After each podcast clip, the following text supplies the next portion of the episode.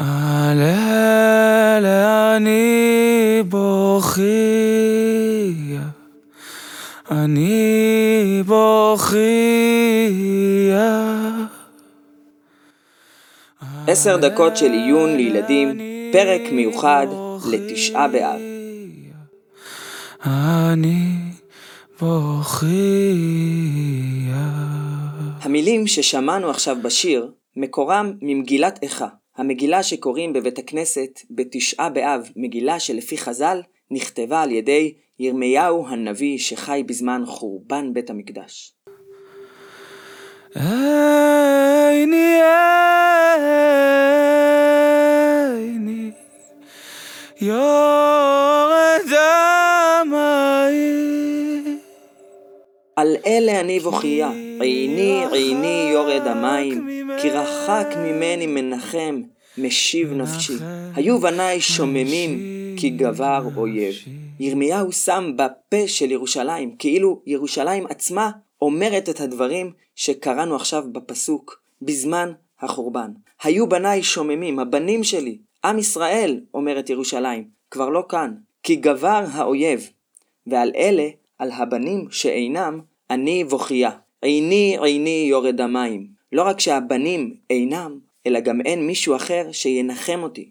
רחק ממני מנחם, משיב נפשי. ככה, אומר לנו ירמיהו, מרגישה ירושלים בזמן החורבן. ירמיהו הנביא נקרא גם נביא החורבן. הסיבה היא שבתנ"ך, בספר ירמיהו, יש הרבה נבואות שירמיהו ניבא על חורבן ירושלים. ירמיהו גם מספר לנו על דברים שקרו בשנים שלפני החורבן, סיפורים על מלכים ושרים שהתנהגו בצורה נוראית, נביאי שקר שאמרו לעם נבואות לא נכונות, וגם ניסיונות של ירמיהו לגרום לעם ולמנהיגים של העם, המלכים והשרים, להבין שמלך בבל, נבוכדנצר, מתקרב, מתקרב לירושלים, והחורבן, חורבן ירושלים, וחורבן בית המקדש, מתקרב יחד איתו. אבא, מה בכלל אנחנו הולכים לעשות בפרק הזה? אני שמעתי שבתשעה באב אסור אפילו ללמוד תורה. נכון מאוד.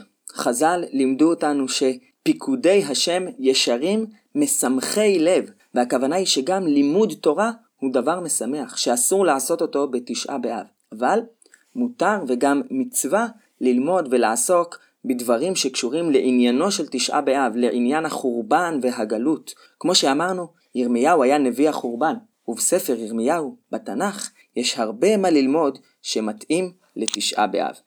אז אולי תספר לנו סיפור מספר ירמיהו? בדיוק זה מה שנעשה.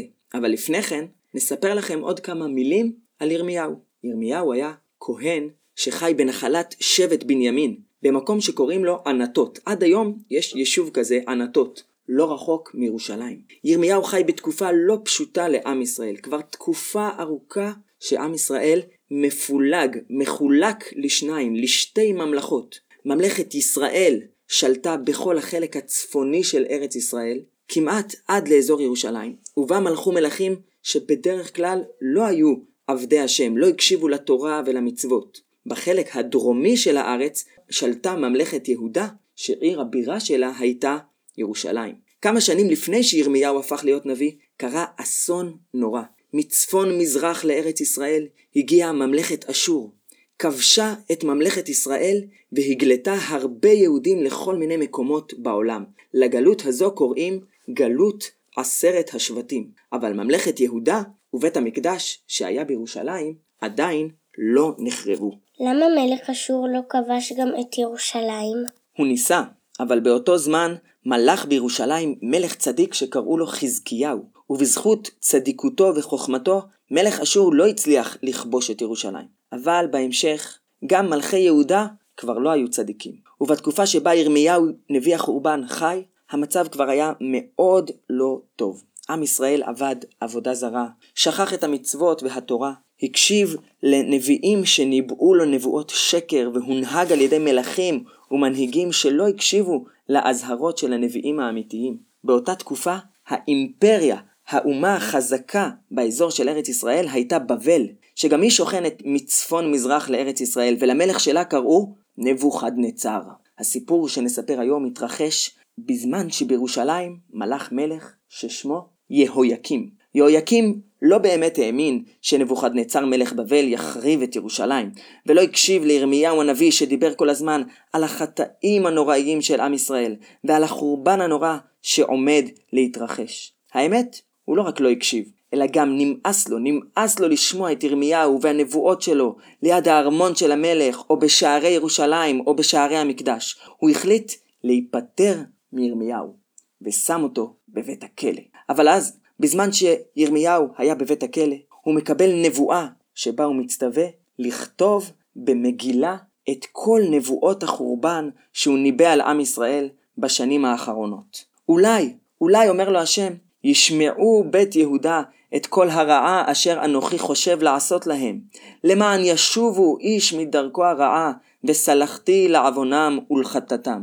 אולי הם יחזרו בתשובה סוף סוף, ולא יגיע החורבן הנוראי. כמובן לא מספיק לכתוב מגילה, אלא צריך שגם מישהו יקרא אותה באוזני העם.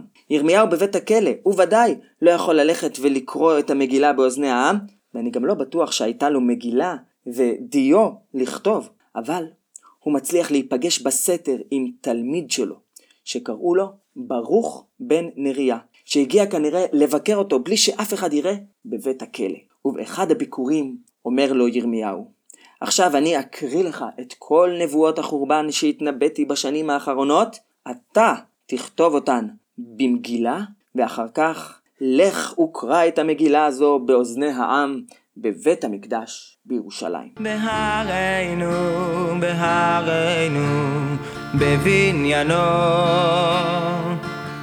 בסמכנו, בסמכנו, בתיקונו. בהשב כהנים לעבודתם, ולוויים לשירם ולזמרם, בהשב ישראלים. ברוך הולך ועושה את מה שביקש ממנו ירמיהו הנביא. הוא מסתתר זמן ארוך אצל ירמיהו וכותב את כל המגילה, ואחר כך הולך לבית המקדש. ביום צום, ביום צום שקבעו באותה שנה בחודש כסלו, ממש באמצע החורף. למה דווקא ביום צום? ירמיהו רצה שכמה שיותר אנשים ישמעו את המגילה שברוך מביא איתו. ביום צום, העם שגר בירושלים ובסביבה היה מתכנס בחצר של בית המקדש, לתפילות ולשמיעת דברים של מנהיגי העם. וירמיהו אומר לברוך לנצל את ההתכנסות הזו של העם לצורך קריאת המגילה. ברוך כמובן לא מספר לאף אחד על התוכניות שלו, כדי שלא יעצרו אותו בדרך, והוא בוחר את הרגע המתאים, רגע שבו חצר המקדש מלאה באנשים, נעמד במקום גבוה, ומתחיל לקרוא באומץ ובגבורה את המגילה. ומה עשה העם כששמע את הדברים? העם הקשיב, אבל לא רק העם. אחד האנשים שעמדו באותו זמן בחצר המקדש היה אחד משרי הממלכה ששמו היה מיכאיהו. מיכאיהו שומע את דברי המגילה והולך לספר לשאר השרים של המלך שבדיוק ישבו ביחד באחת הלשכות בארמון את מה שקרה עכשיו בחצר המקדש. גם המלך ישב איתם? לא, המלך לא ישב אז עם השרים, והשרים גם רצו לשמוע קודם כל באוזניים שלהם את המגילה. אז הם שלחו שליח שיביא את ברוך עם המגילה, וביקשו ממנו שיקרא אותה באוזניהם. תחשבו איך הרגיש אז ברוך בן נריה כשקראו לו אל הארמון. הוא יודע שהמלך הוא לא המלך הכי צדיק בעולם, ושהוא לא בדיוק אוהב את ירמיהו ואת הנבואות שלו. הוא, ברוך, הרגע הקריא באוזני כל העם בחצר בית המקדש את הנבואה של ירמיהו, שירמיהו בעצמו לא היה יכול לקרוא, כי הוא במאסר. הוא, ברוך, הרגע הקריא באוזני כל העם בחצר המקדש נבואה של ירמיהו, שירמיהו בעצמו לא היה יכול לקרוא כי הוא במאסר. אולי גם אותו ירצו לשים במאסר, אולי גם לא ייתנו עונש. ברוך נכנס אל הארמון, מלא חשש, נכנס אל החדר שיושבים בו כל השרים של המלך.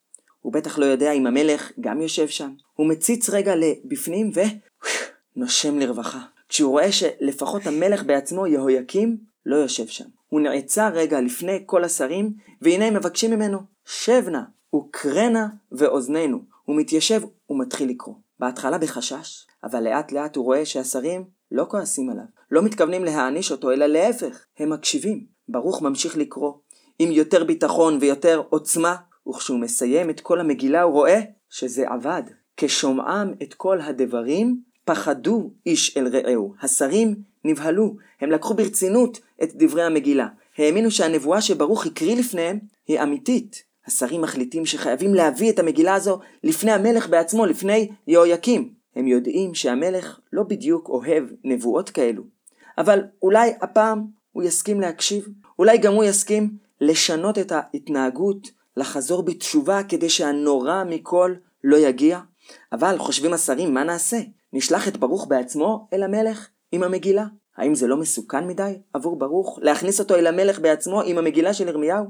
מה אתם חושבים? מה אתם הייתם מייעצים לשרים או לברוך לעשות? אתם מוזמנים להצטרף אלינו לפרק הבא כדי לשמוע את המשך הסיפור על המגילה ועל ברוך וגם סיפור נוסף על ירמיהו הנביא.